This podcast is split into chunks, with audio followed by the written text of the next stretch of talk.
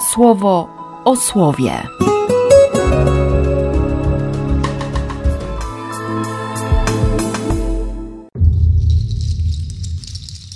30 sierpnia, poniedziałek. Z pierwszego listu do Tesaloniczan. Nie chcemy, bracia, żebyście pozostawali bez wiedzy na temat umierających i żebyście się smucili jak ci inni, którzy nie mają nadziei. Otóż, jak wierzymy, że Jezus umarł i zmartwychwstał, to tak samo tych, którzy umarli, Bóg dzięki Jezusowi poprowadzi wraz z Nim. A o tym Was zapewniamy słowem Chrystusa, że my, żyjący, pozostawiani tutaj na przybycie Pana, nie wyprzedzimy tych, którzy umarli. Bo nadane hasło, na głos Archanioła i na dźwięk trąby Bożej, sam Pan zstąpi z nieba i najpierw powstaną umarli w Chrystusie. Potem my, żyjący, pozostawieni tutaj, razem z nimi zabrani zostaniemy na obłokach w przestworza na spotkanie Pana. I tak już zawsze będziemy z Panem. A zatem pocieszajcie się wzajemnie tymi słowami. Z Ewangelii według świętego Łukasza. Przyszedł także do Nazaretu, gdzie się wychował.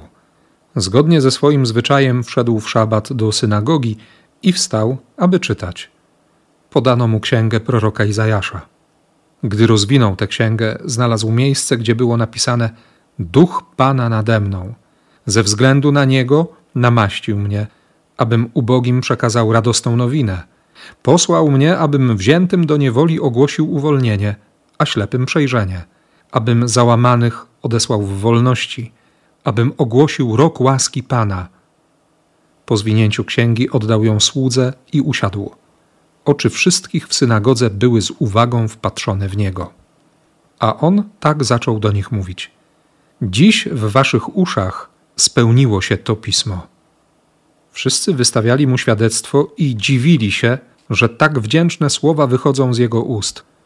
Mówili: Czyż nie jest on synem Józefa? Jezus odezwał się do nich: z pewnością do mnie odniesiecie to przysłowie lekarzu, siebie samego uzdrów. Uczyń i tutaj, w swojej ojczyźnie, to, co się dokonało w Kafarnaum.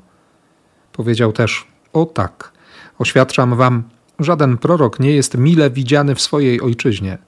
Prawdą jest to, co wam powiem. Wiele było w Izraelu wdów za dni Eliasza, kiedy to niebo zamknęło się na trzy lata i sześć miesięcy i nastał wielki głód w całym kraju a do żadnej z nich Eliasz nie został posłany, tylko do owdowiałej kobiety w Sarepcie Sydońskiej. Tak samo wielu było w Izraelu trędowatych za proroka Elizeusza, a żaden z nich nie doznał oczyszczenia, tylko Naaman, Syryjczyk. Kiedy to usłyszeli, wszyscy w synagodze unieśli się gniewem. Wstali i wyrzucili go z miasta, poprowadzili go aż na urwisty stok góry, na której zbudowane było ich miasto, aby go strącić w przepaść. On jednak przeszedł pomiędzy nimi i oddalił się. Dla mnie osobiście bardzo dobra jest ta końcówka czwartego rozdziału pierwszego listu do Tesaloniczan. Potrzebuję tego ogłoszenia dobrej nowiny po raz kolejny dla upewnienia, dla umocnienia. Jezus umarł i zmartwychwstał.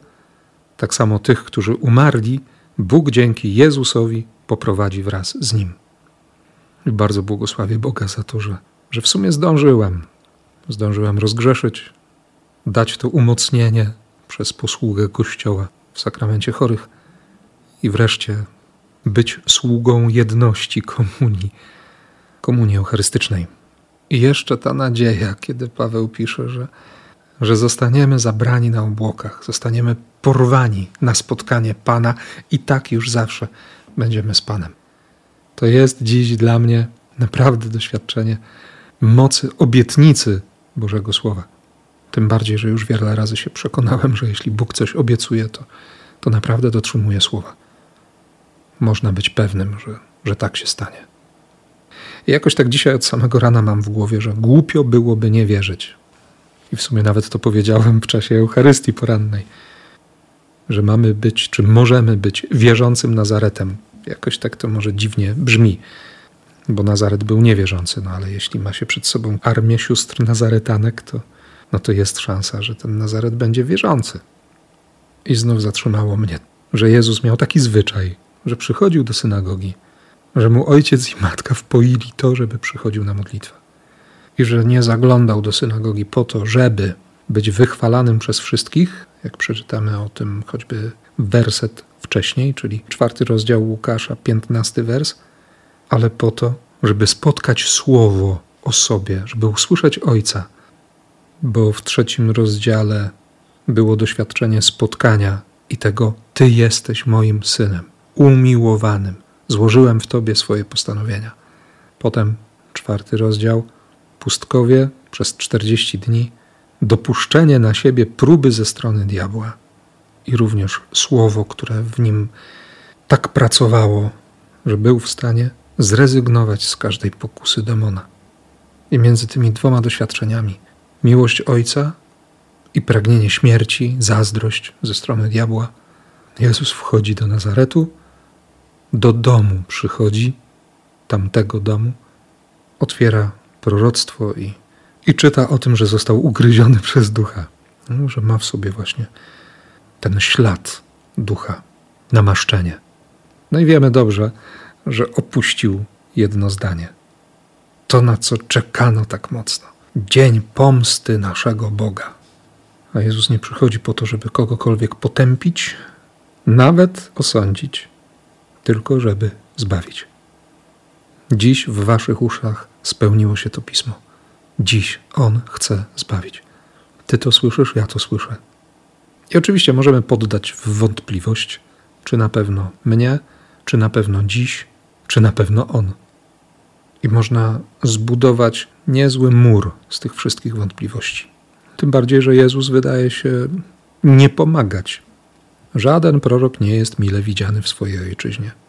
Eliasz, owdowiała kobieta w Sarepcie Sydońskiej, Carpatach, ryglowane miasto, ryglowane miejsce, zaryglowane miejsce. Sydon, przecież tam się nie dało żyć. Trędowaci i Elizeusz, wódz wojska asyryjskiego, czyli tych, którzy nękali Izraela. Wróg, po prostu wróg. Zresztą dowiaduje się od, od dziewczyny, która została zabrana, porwana z Judy. A Bóg daje łaskę, bo tak mu się podoba. Słuchaczom Jezusa się to nie podobało. Prości ludzie dopiero co wisieli na jego wargach i czekali na te słowa, na jeszcze więcej. Na znaki czekali też.